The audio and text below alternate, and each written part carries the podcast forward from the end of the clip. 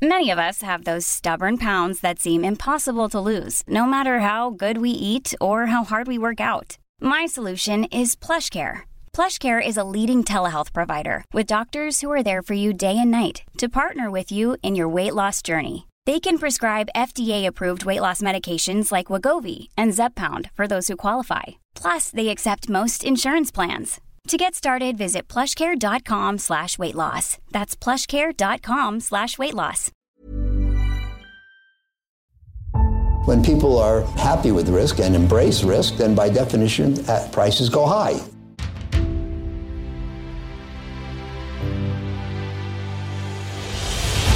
When the cycle turns down, they generally sell at prices that are far too low. This is not about getting more information. We live in a world where we have too much data. I'm uh, happy to report another stable quarter.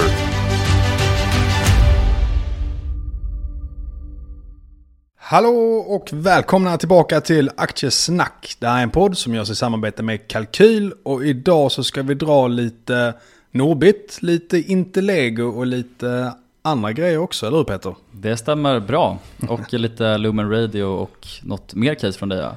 Ja, lite research också kan jag börja med. En ganska kort kommentar där. Och så har jag faktiskt ett helt nytt case i form av Rugvista som jag tror att du kommer gilla väldigt mycket Magnus. Ja, spännande. Den gamla darlingen 2021.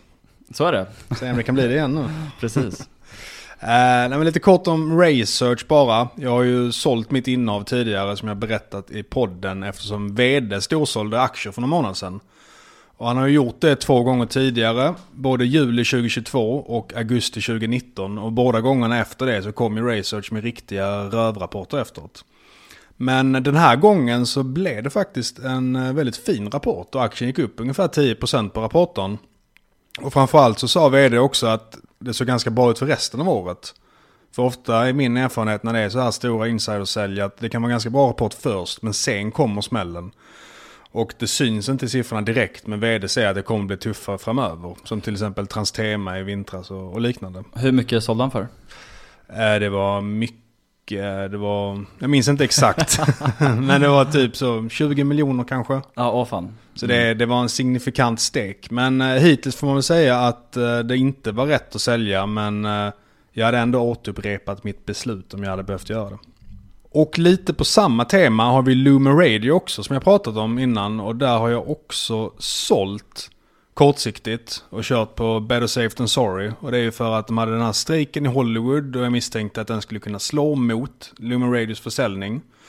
Och idag kom rapport också. Och eh, det var en fin rapport, bruttomarginalen stärktes som vi också har pratat om att den borde göra framgent. Men man säger att den här strejken i Hollywood kommer leda till att försäljningen i Q3 blir betydligt sämre än i Q2. Att man kommer ha 0% organisk tillväxt i Q3. Ja, det är då på grund av den här strejken. Så att eh, aktien var i och för sig ner 20% månaden innan rapporten. Men jag trodde att det där skulle sänka den ganska ordentligt och den, den dök 15% i början men återhämtade sig och stängde faktiskt på plussen. Så att eh, vi får se hur det går där. Jag kommer avvakta till den har löst sig lite mer men som ni vet så tycker jag att det är ett väldigt fint case på lång sikt i alla fall. Så lite korta rapportkommentarer om det och då kan vi gå på lite längre rapportkommentarer. Eller hur Peter? Det kan vi göra och det är ett case som eh, båda vi två har legat väldigt långa i under eh, en ganska lång tid nu. Vi pratade om caset för tre, fyra månader sedan första gången tror jag. Kanske ja, lite längre kan det ha varit ännu längre tid till och med. Ja, och aktien är väl upp ungefär 100% sedan dess.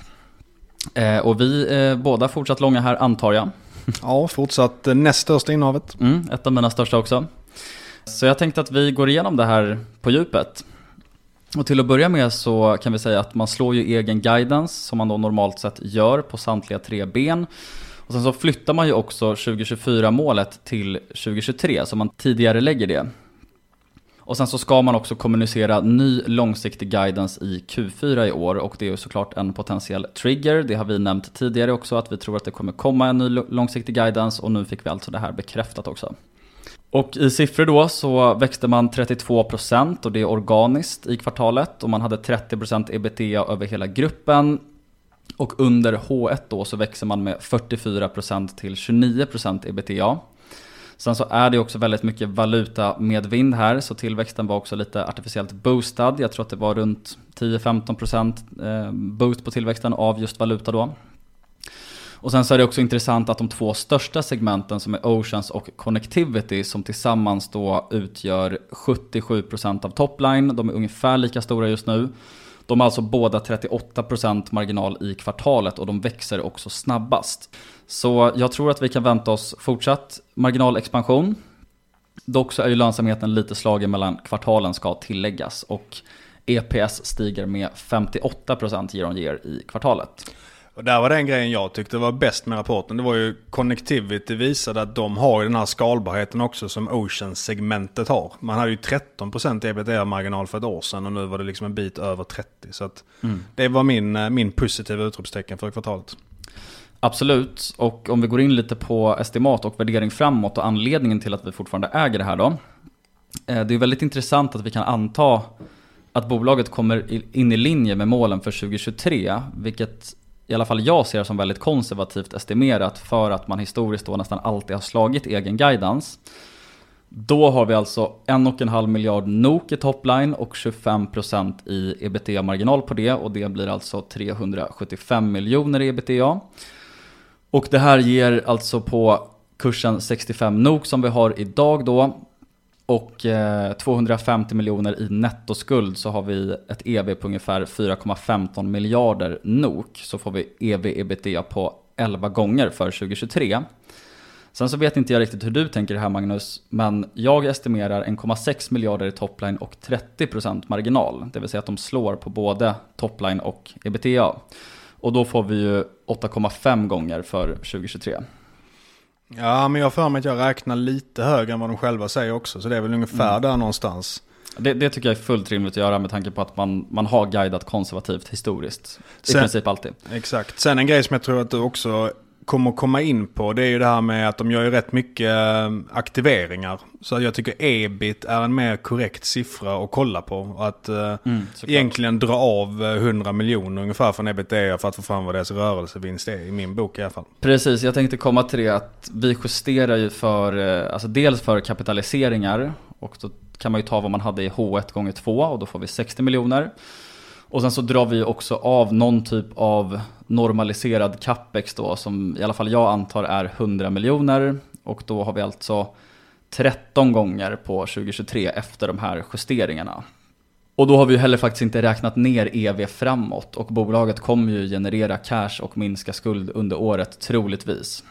Så att jag tror att vi har omkring EV, ebit 12 gånger då efter, efter justeringar. Sen ska vi ju egentligen ta förändring av rörelsekapitalet i beaktning för att få ett rättvist kassaflöde. Men rörelsekapitalet är ganska svårt att estimera i Norbit så jag har valt att inte göra det. Men det man kan ta med sig här i alla fall om man tycker att det är ett intressant bolag det är ju också att man binder ganska mycket kapital i lager.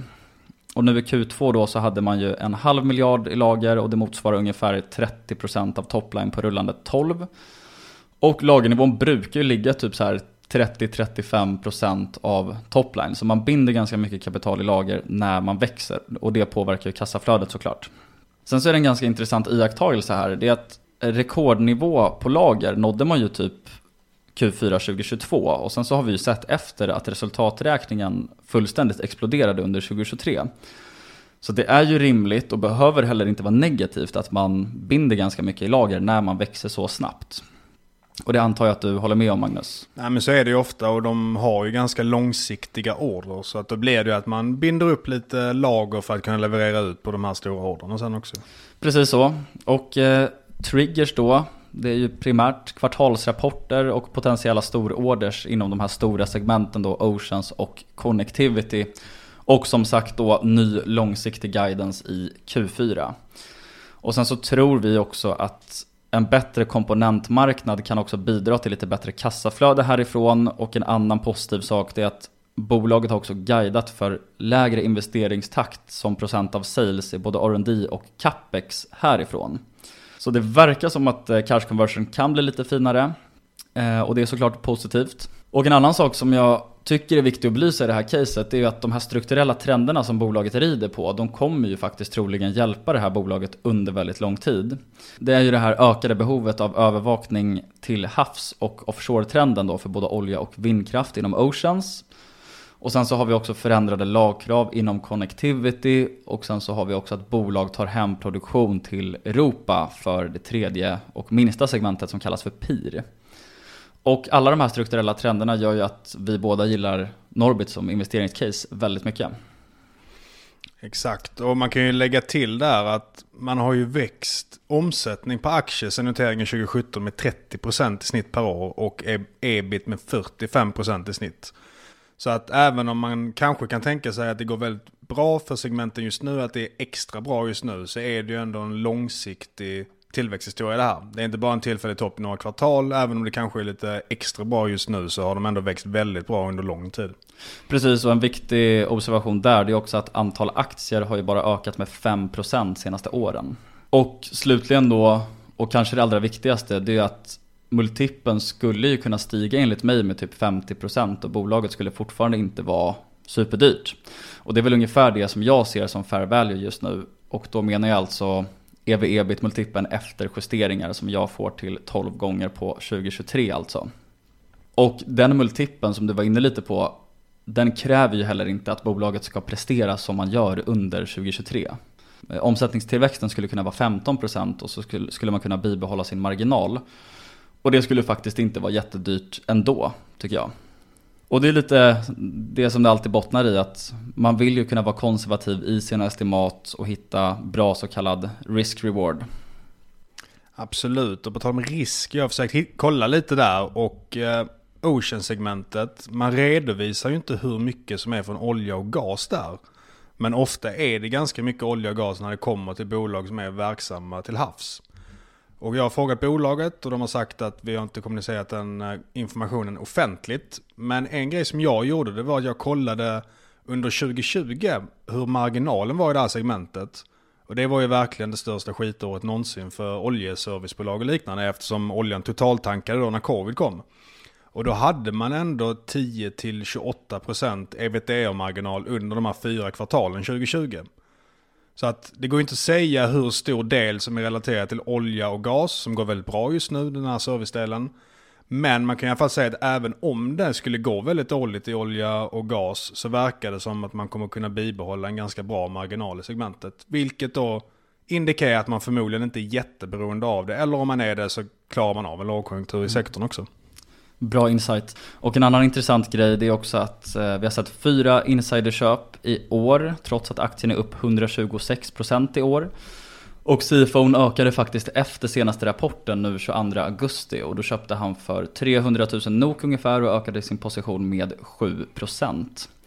Och en annan intressant grej kopplat till ägarlistan det är faktiskt att svenska Cervantes köpte Norbit för ungefär 30 miljoner i juni. Och de förvaltar ju bland annat då Spotify-grundaren Martin Lorentzons pengar.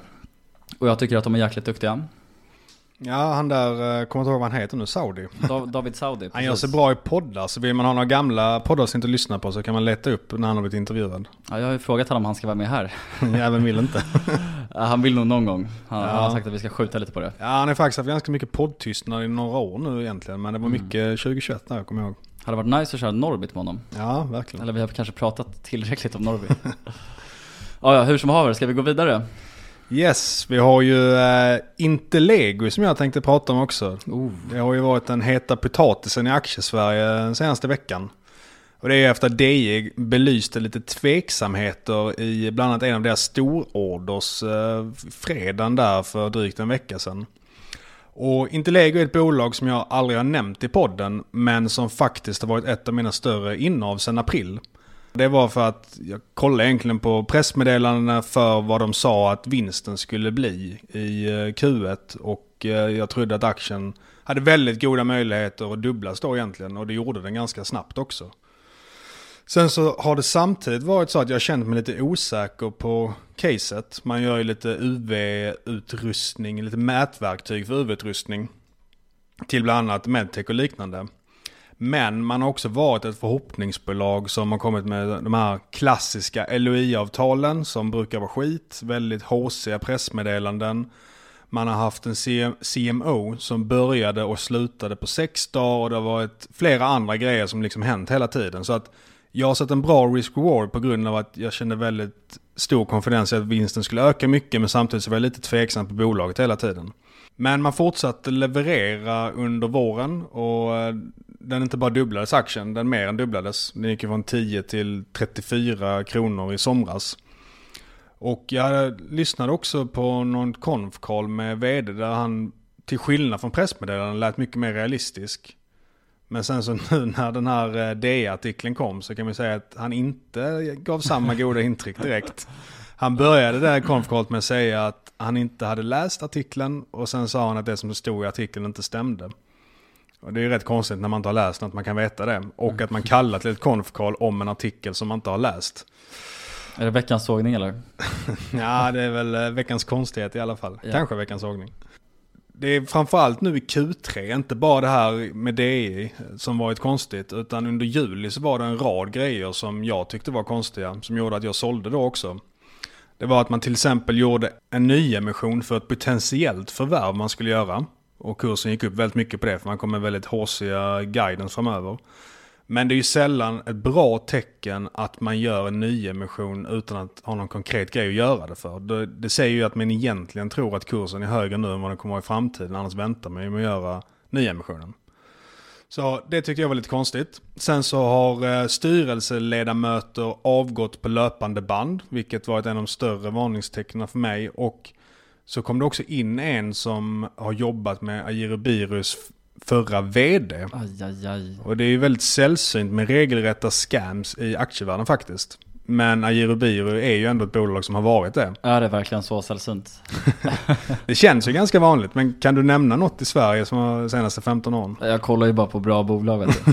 ja, det är så. Nej, men man kommer ihåg de här klassiska internationella, Wirecard och Enron, men det är ju faktiskt väldigt sällsynt att det är de här riktiga scamsen. Det, det får man ändå säga det är ju lite så, när många styrelseledamöter avgår då kan man fråga sig varför gör de det? Och när det inte står någon anledning till det, är det då för att de kanske bråkar med vd eller är det att de känner att de inte kan stå för vad bolaget säger? Och är det det andra alternativet så är det ju inte bra. Så att alla grejer sammanlagt gjorde att jag, jag sålde helt enkelt 80% av mitt innehav då och red vidare med, med en liten bit över kvartalsrapporten tänkte jag för att den skulle gå upp på den rapporten. Men eh, Sen kom DI och då gick det ner 50% istället. Och då var det ju att de hade haft kontakt med ett bolag som då hade lagt en stor order till Interlego. Och eh, det här bolaget sa att de inte hade talat om Interlego.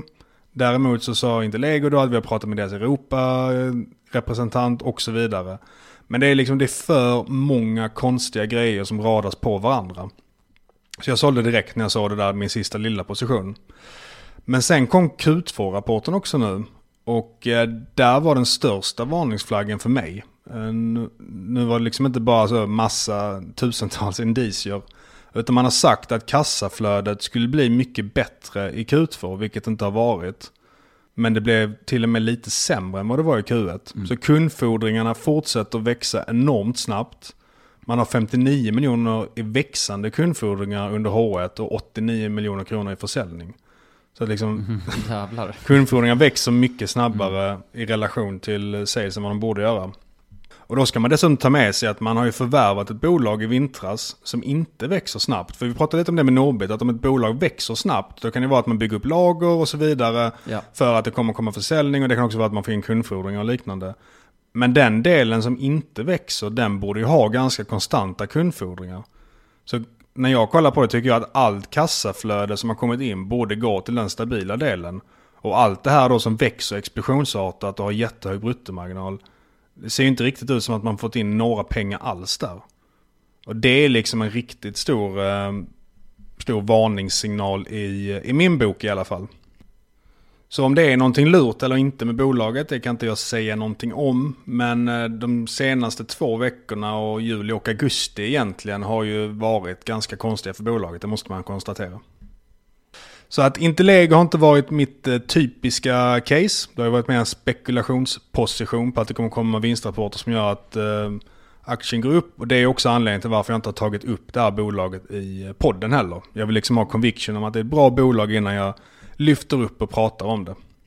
Och sen kan jag lägga till också att eh, vi har ju absolut ingenting att göra med kalkyl.ses analyser. Vi har aldrig det någonsin och inte med Intellego heller. Jag såg någon på Twitter som, som trodde att vi hade det.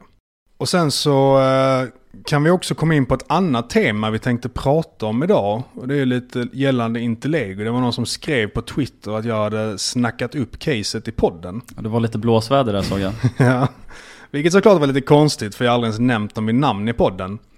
Däremot så har jag kvartalsuppdatering på Twitter och då hade jag ett bra Q2 och det var ju på grund av Intellego så då nämnde jag dem vid namn helt enkelt. Så det är, det är enda gången jag nämnt dem offentligt. Och då skrev du ju också egentligen bara att du ägde bolaget va? Ja, jag skrev mm. ingenting uh, om, ja exakt det mm. var den jag skrev. Men det för oss in på någonting och det är lite den här diskussionen om att göra sin egen analys och så vidare. Och det är ju väldigt viktigt att göra det och det ska man inte glömma bort. Det är någonting som väldigt lätt faller mellan stolarna. Man tänker att någon äger en aktie och då ska man därför själv äga den. Men du vet ju aldrig hur lång investeringshorisont man har. Du kommer inte ha conviction själv om du inte har läst på om caset. Så när det väl händer grejer, du vet inte om du ska köpa eller sälja. Om du tar mig som exempel, jag handlar ju ändå relativt ofta med mina aktier. Min snitttid som jag har en aktie är under ett år. Jag kan sälja av massa anledningar, som ni hörde Lumen Radio och till exempel. Det kan vara att det är stort vd-sälj, det kan vara att det är någon speciell grej i marknaden som har hänt. Det kan vara att någon konkurrent kommer och uppdaterar med en jättedålig outlook som visar att marknaden går lite sämre. Det kan vara att multipeln har blivit för hög. Det kan vara hur många grejer som helst egentligen. Och det gör att om man då skulle försöka följa vad jag gör, då vet man ju inte när jag säljer. Och då kommer du inte kunna liksom replikera det jag gör. Så därför så är det en väldigt viktig grej att komma ihåg varför man inte ska kopiera vad jag eller Peter eller vad någon annan överhuvudtaget gör egentligen heller. Precis, det viktiga här tycker jag blir någonstans att gör man inte sin egen analys så för det första så lär man sig ingenting. Och sen så riskerar man ju verkligen att handla på ett dåligt sätt. För att om man inte har någon conviction själv eller har någon åsikt själv av vad ett bolag borde handlas till. Eh, då blir man ju sannolikt ganska påverkad av fluktueringar när det kommer till kursen. Så de två sakerna tycker jag att man ska ta på all, allra största allvar. Och sen så vill jag tillägga där, precis som du var inne på, att ibland så kan vi ju få något mail, någon som har lyssnat på, på ett poddavsnitt som är lite upprörd över att något bolag kanske har gått åt fel håll. Alltså det har gått ner när vi trodde att det skulle gå upp till exempel. Och sen så kanske vi har pratat om samma case en månad senare och då kan det faktiskt vara så att vi har sålt det här. Eh, så att jag tycker inte heller man kan anta att för att vi pratar positivt om ett bolag i februari till exempel så kan man ju inte anta att vi ska äga det för alltid. Eller att aktien alltid kommer gå upp heller för den delen. Och vi, vi gör ju den här podden i ett format som vi själva hade velat lyssna på. Att man har någon som pratar om sina case som de har conviction i och vad de tror på framgent. Men det betyder ju inte att bara för att den du lyssnar på har conviction att du borde ha det. Och dessutom så är det viktigt att ta med sig att det gäller att hitta sin egna stil. Vissa kanske är bäst som daytraders, vissa är buy and hold, vissa är mer ägor på kanske ett halvårs sikt och så vidare.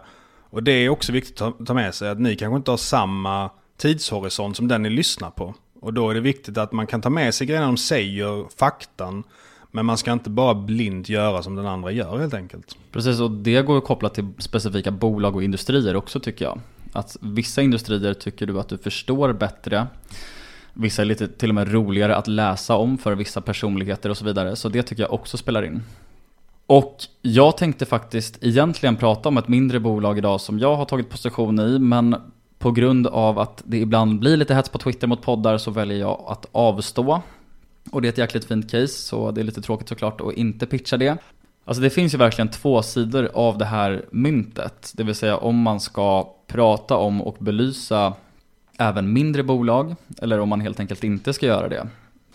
Och jag ser i alla fall inte skillnaden på en podcast och en Twitter-tråd eller när Dagens Industri smäller ut rubriker där det står till exempel de här aktierna ska du köpa.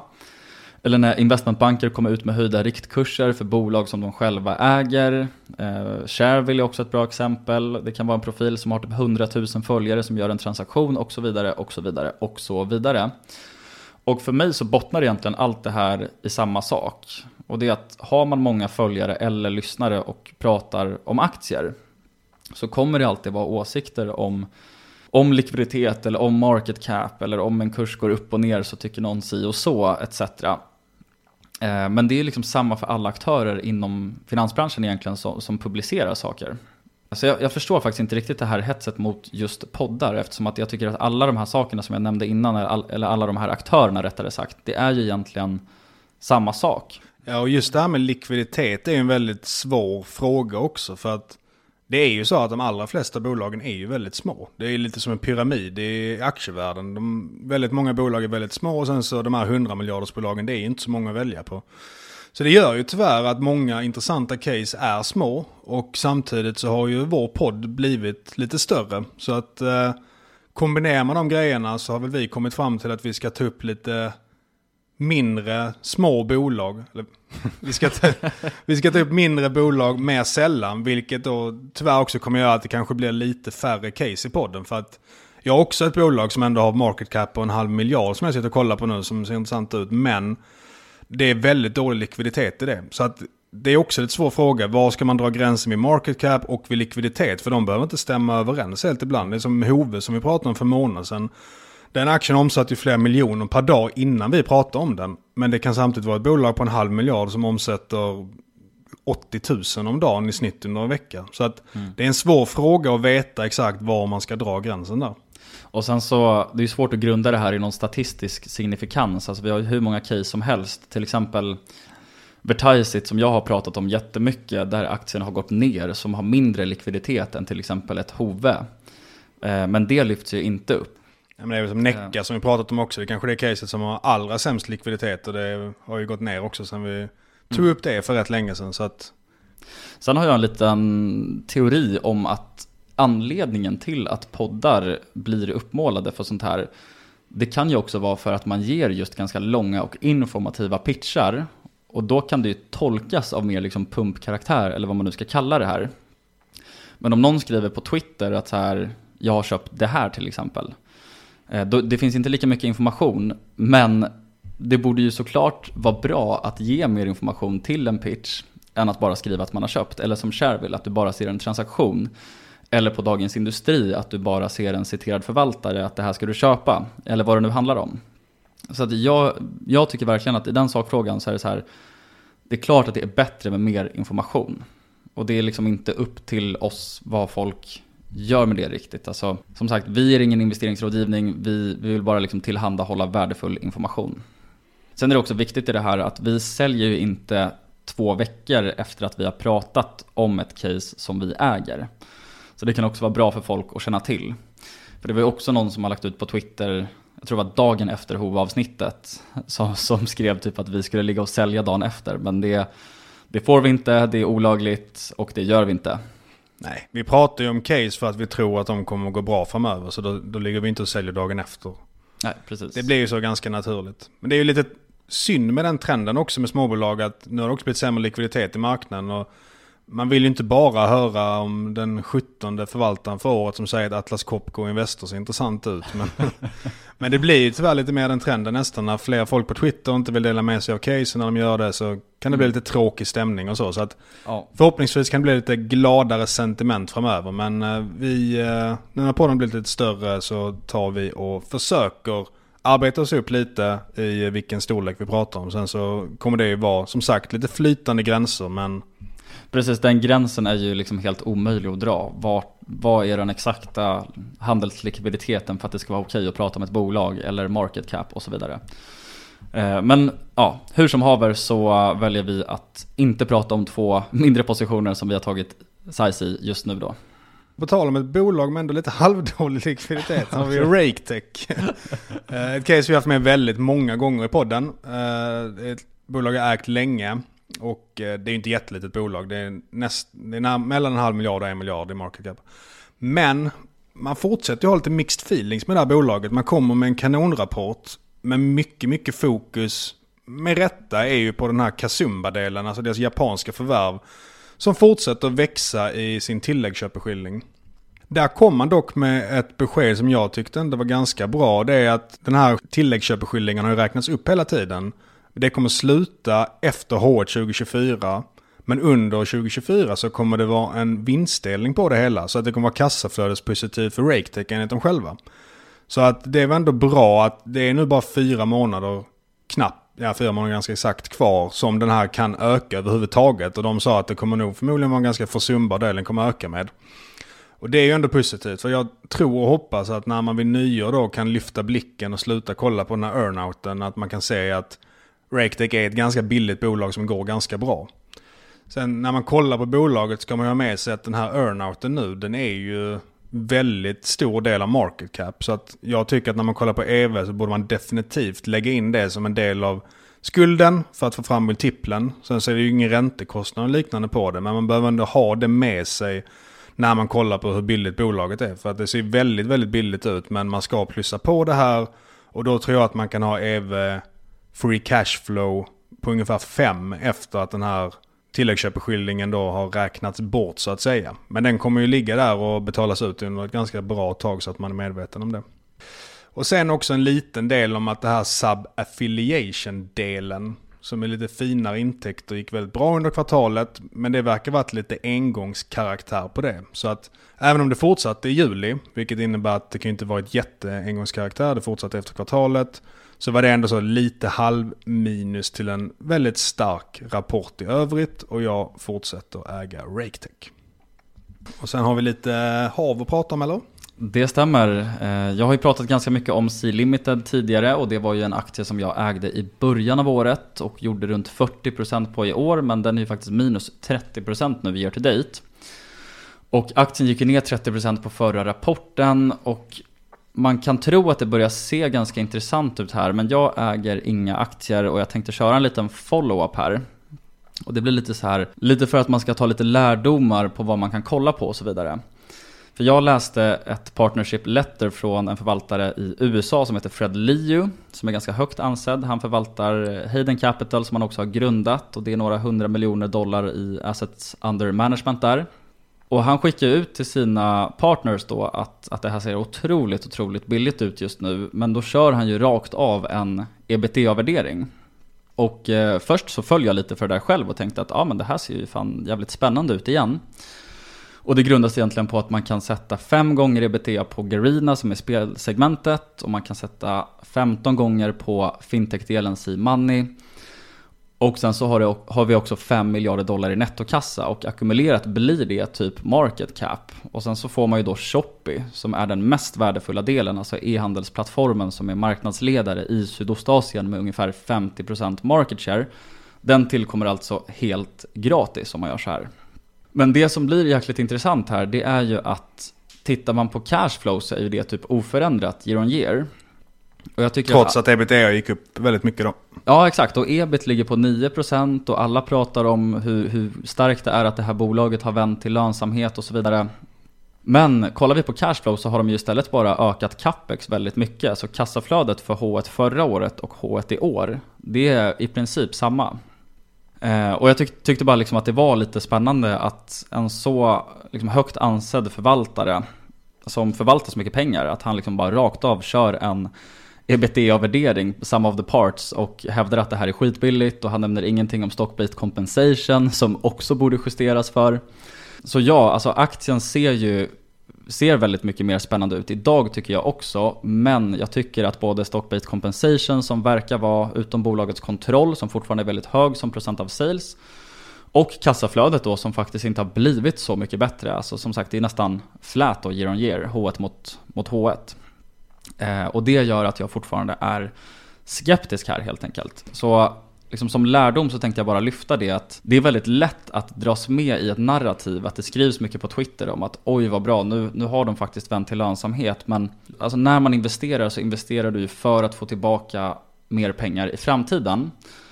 Och då ska ju såklart bolaget kunna generera de här pengarna. Så att om en positiv ebit försvinner helt i capex, ja, men då, då finns det ju faktiskt inga pengar att få tillbaka.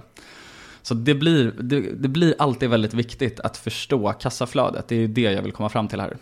Ja, man har ju sett vissa skräckexempel där det kan vara liksom bolag som har 25% ebitda-marginal och sen så har de aldrig positivt kassaflöde. Det är väl bland det värsta jag har sett.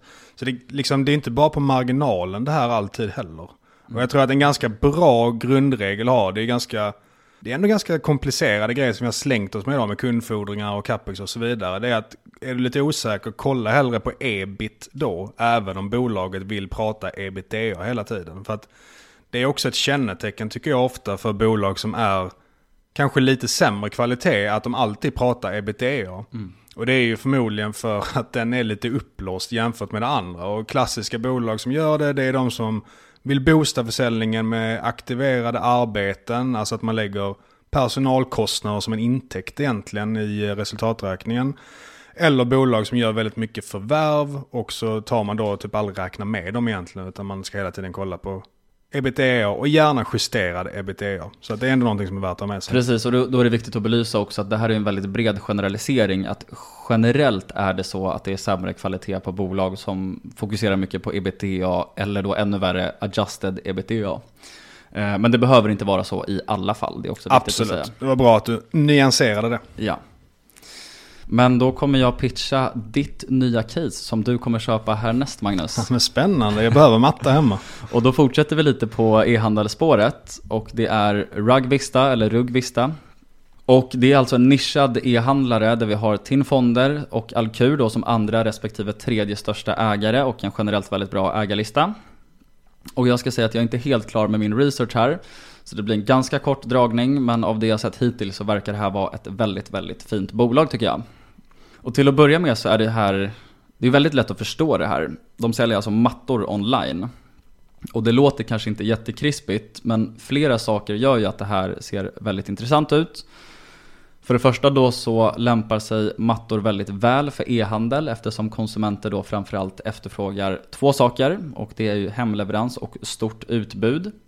Och en kund som köper en matta vet ju i regel inte vad den vill ha när man börjar leta.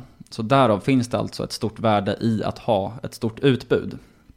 Och det är ju alltså, om vi tänker någonting mer branded som till exempel porslin eller glas, möbler, kaffebryggare, you name it. Så blir det kanske lite annorlunda. Och Rugvista är ju också näst störst inom den här nischen och de är långt före både nummer tre och alla därefter. Och de har ju också ofta tio gånger så stort utbud som de största fysiska eller omnikanalalternativen. Som till exempel ett IKEA eller vad vi nu ska, ska ta. Och sen så har vi också en väldigt låg, om inte obefintlig, fashion risk för mattor. Och det gör ju också lagerhållningen ganska tacksam. Alltså det blir väldigt låg risk att hålla lager. Så trots att det här är ett konsumentbolag så är det alltså väldigt låg fashion risk. Och så är fallet eftersom att många mattor är väldigt klassiska, de har ju sett likadana ut i flera decennier. Och det går heller inga större trender inom mattor som skulle kunna resultera i lagerrisk.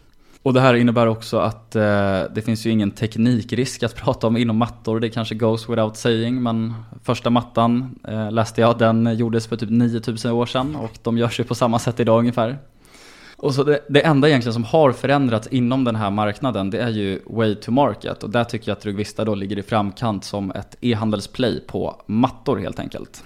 Vad tänker du om man eh, skulle vilja känna och klämma på eh, sin matta? Och liksom så, se lite hur kommer den här passa in? Tror du man kan göra det bra online eller vad är din tanke om det?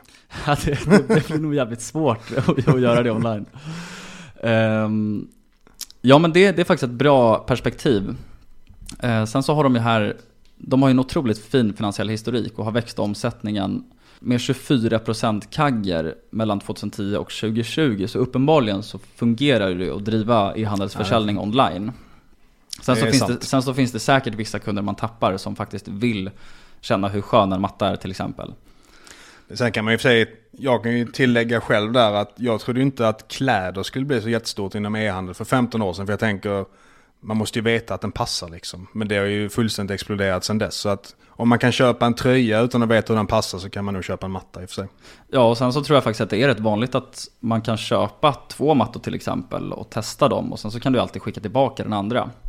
Och någonting som också talar för att e-handel faktiskt funkar, det är att Alltså just inom e-handel, det är att man har 4,8 av 5 i betyg på Trustpilot. Och det är inte bara bra inom e-handel för mattor utan det är bra för e-handel i stort. Och det är alltså Rugvistas betyg. Det är väldigt bra för det är ofta de som är lite lacka och sura som går in och ger betyg. Så 4,8 är väldigt bra. Det är otroligt bra. Och sen så är det också väldigt mycket återkommande kunder till plattformen. Återkommande kunder står alltså för 30% av topline. Så det ligger också i den positiva vågskålen tycker jag. Och en annan sak som är intressant är att i och med att brand inte spelar någon roll när det kommer till matta, eller i alla fall spelar väldigt lite roll, så borde det ju också innebära att mellanhänder får en starkare position i värdekedjan än till exempel inom elektronik där kunden efterfrågar en viss typ av produkt eller varumärke. Man är också väldigt diversifierade vad gäller geografisk närvaro. De opererar i över 20 länder i Europa och 80% av försäljningen sker alltså utanför Norden. Och här är det också väldigt spännande att marknaden är väldigt fragmenterad. Så trots att man är en av de största aktörerna i Europa på e-handel inom mattor så har man faktiskt bara 3% i marknadsandel. Och den här siffran inkluderar bara just e-handel inom mattor och inte fysiska butiker. Och e-handel för mattor har ju historiskt vuxit 10% per år i snitt och det drivs ju främst av att man tar market share från fysiska butiker. Och lite intressanta kortsiktiga spaningar och förändringar det är att Rugvista eh, tidigare då delvis ägdes av ett P-bolag men de är nu helt ute. Och man fick en ny storägare i form av Madhat i slutet av 2022 som nu äger 12% av bolaget och har tagit ordförandeposten också. Och jag har inte jättebra koll på Madhat ska jag tillägga förutom att de har gjort väldigt mycket inom e-handel tidigare så att de har bra erfarenhet där. Och grundaren äger fortfarande 5% av bolaget och sitter i styrelsen och totalt insiderägande är 8% så det är godkänt. Och sen så har vi faktiskt haft några insiderköp under året och inget sälj. Och som för andra e-handelsbolag så har det varit en ganska perfekt storm nu med tuffa jämförelsekvartal från pandemin och ett sentiment på börsen som under senaste kvartalet eller kvartalen har börjat vända lite. Så bara liksom på sentiment tycker jag också att det här ser ganska spännande ut. Och det kändes lite som att Rugvista drog sig med lite i det här med att liksom placeras i samma kategori som lite sämre kvalitativa bolag såsom till exempel Desenio eller ett LMK och så vidare som har haft det tuffare när det kommer till finansiell utveckling. Så det känns liksom som att Rugvista drogs med i det liksom jättedåliga e-handelssegmentet på börsen helt enkelt. Men det är, det är en bra poäng. Det är lite det här vi pratade om capital returns, det var det förra mm, avsnittet. Mm, att det är ju som efter IT-bubblan egentligen. När den sprack så var det ju vissa fantastiska bolag som Amazon liknande som gick ner 93%. Och om du då liksom kunde hitta de här guldkornen i skiten så, eh, så kunde du ju hitta väldigt bra aktier. Ja, precis. Alltså när det är lite panik och en sektor bara liksom säljs av så grundas det ju ofta inte i något rationellt eller i fundamentan. Då kan det bara vara att liksom hela sektorn följer med ofta. Och om vi går in lite på finansiell historik och värdering. Jag nämnde ju kort innan då, bolaget har eh, omsättningen organiskt med 24% per år mellan 2010 och 2020 och man har haft en ebit-marginal mellan 5 och 20% och har haft en bruttomarginal ständigt över 60%.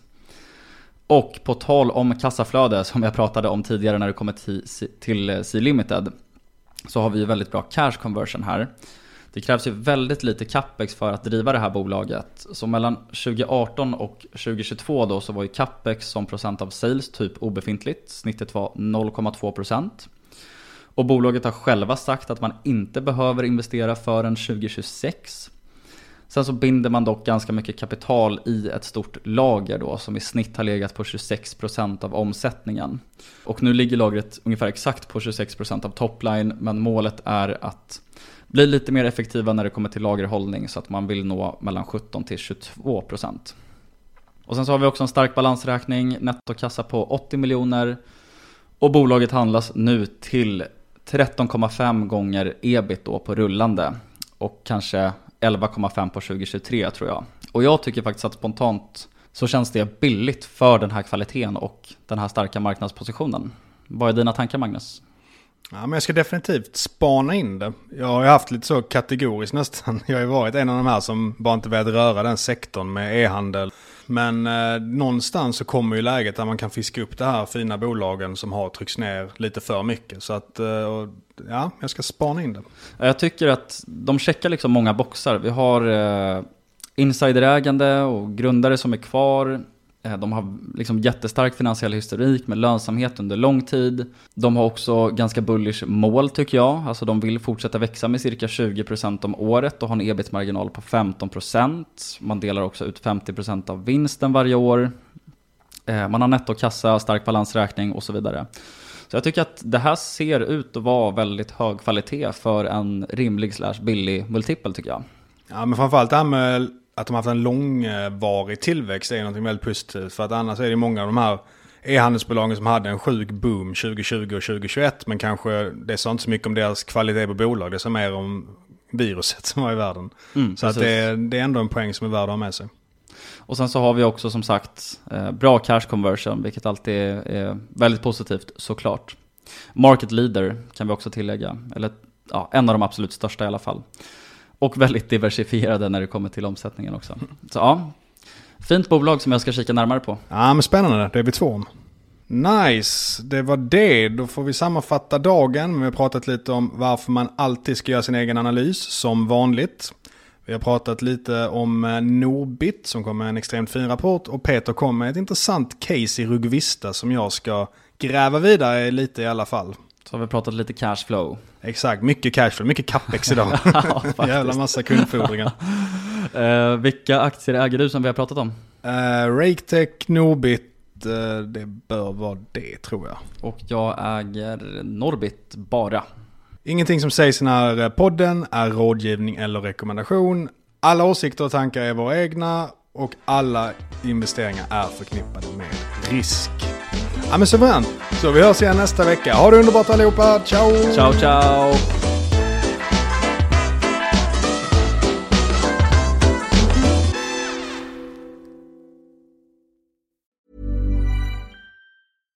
Mom deserves the best and there's no better place to shop for Mother's Day than Whole Foods Market. They're your destination for unbeatable savings, from premium gifts to show-stopping flowers and irresistible desserts. Start by saving 33% with Prime on all body care and candles. Then get a 15-stem bunch of tulips for just $9.99 each with Prime. Round out Mom's menu with festive rosé, irresistible berry chantilly cake, and more special treats. Come celebrate Mother's Day at Whole Foods Market.